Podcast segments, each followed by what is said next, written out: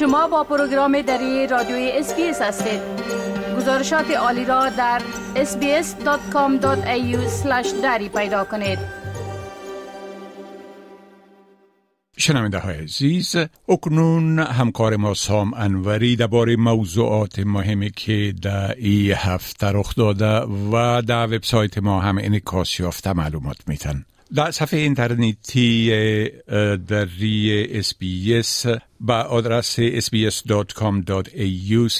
دری هر روز مطالب جالب و دانستنی نشر میشه آقای انوری سلام عرض می کنم خب اولتر از همه اگر به صورت عموم بگوین که چی موضوعات مهم در این هفته در وبسایت ما نشر شده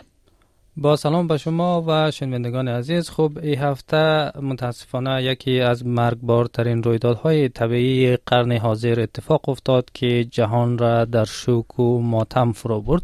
این رویداد دو زلزله نیرومندی بود که روز دوشنبه بخش های جنوبی ترکیه و شمال غربی سوریه را تکان دادند. آمار قربانیان زلزله با ادامه عملیات نجات در هر دو کشور در طول هفته به تدریج افزایش یافت و روز پنجشنبه از مرز 20 هزار نفر هم فراتر رفت. این رویداد در طول هفته باستاب خیلی گسترده در رسانه های جهانی و از جمله استرالیا داشت و همچنین داستان های غمانگیز و تکان زیادی از دل رویداد بیرون آمدند و ما هم در طول هفته گزارش های از این فاجعه به نشر رساندیم. یکی از این گزارش ها ماجرای نوزاد دختری بود که از زیر آوار یک ساختمان در سوریه زنده بیرون کشیده شد. این کودک در حال توسط اقاربش بیرون کشیده شد که هنوز بند نافش به جسد بیجان مادرش وصل بود. گزارش دیگر در مورد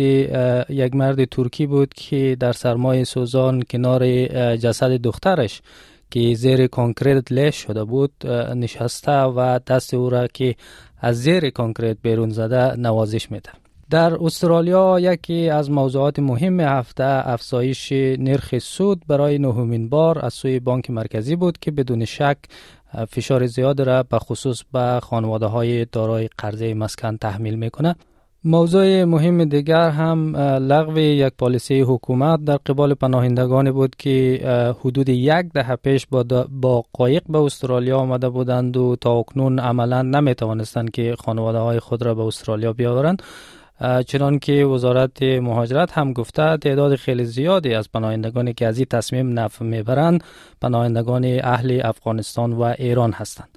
علاوه بر اینها گزارش های پراکنده در مورد موضوعات مختلف داشتیم که شنوندگان عزیز ما می‌تونن اونها را در وبسایت ما دنبال کنند. بله خب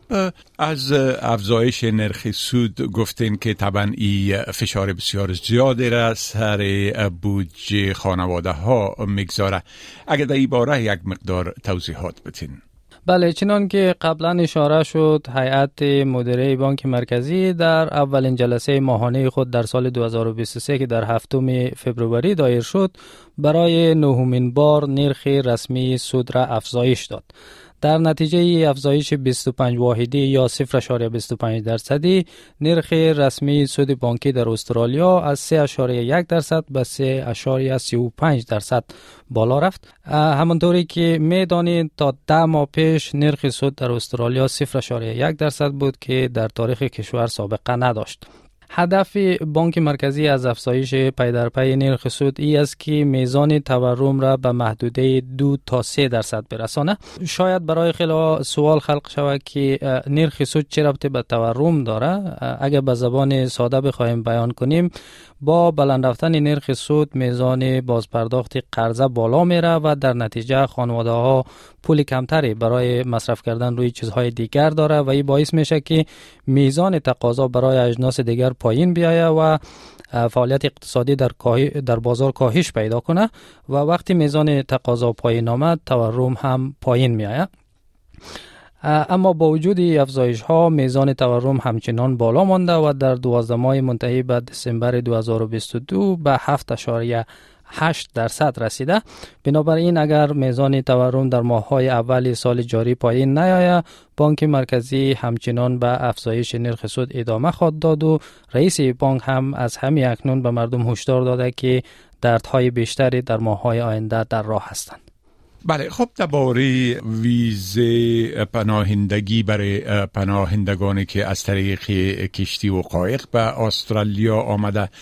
گفتین که حکومت تصمیم گرفته که به خانواده های اینا هم ویزا بته اگر یک مقدار دی باره هم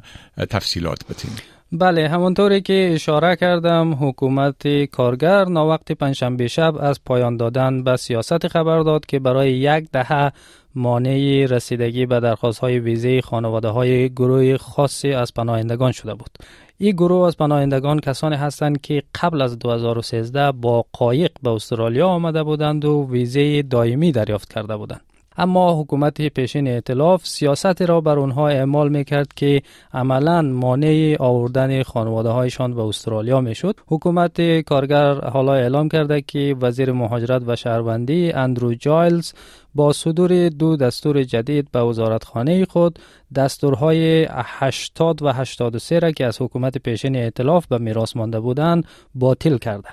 دستورهای 80 و 83 که توسط وزرای مهاجرت حکومت ائتلاف صادر شده بودند رسیدگی به درخواست های ویزه خانوادگی ای گروه از پناهندگان را در کمترین اولویت قرار می دادند و حالا حکومت کارگر که ابتدا در ماه نوامبر سال گذشته گفته بود که قصد داره سیاست را لغو کنه. گفته که بعد از حدود سه ماه به این وعده خود عمل کرده و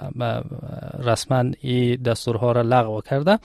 مطابق تخمین حکومت این تصمیم زمینه آمدن ده ها هزار خانواده ای را که از سالها بعد این سوی انتظار کشیده اند فراهم می سازه و انتظار میره که بیشتر کسانی که از این تغییر سیاست نفع می‌برند خانواده های پناهندگان اهل افغانستان و ایران باشند بله خب بسیار تشکر آقای انوری از این معلوماتتان و فعلا شما را به خدا می سپارم روزتان خوش تشکر از شما خدا نگهدار می خواهید این گونه گزارش ها را بیشتر بشنوید؟ با این گزارشات از طریق Apple Podcast، Google Podcast، Spotify و یا هر جایی که پادکاستتان را می گیرید گوش دهید.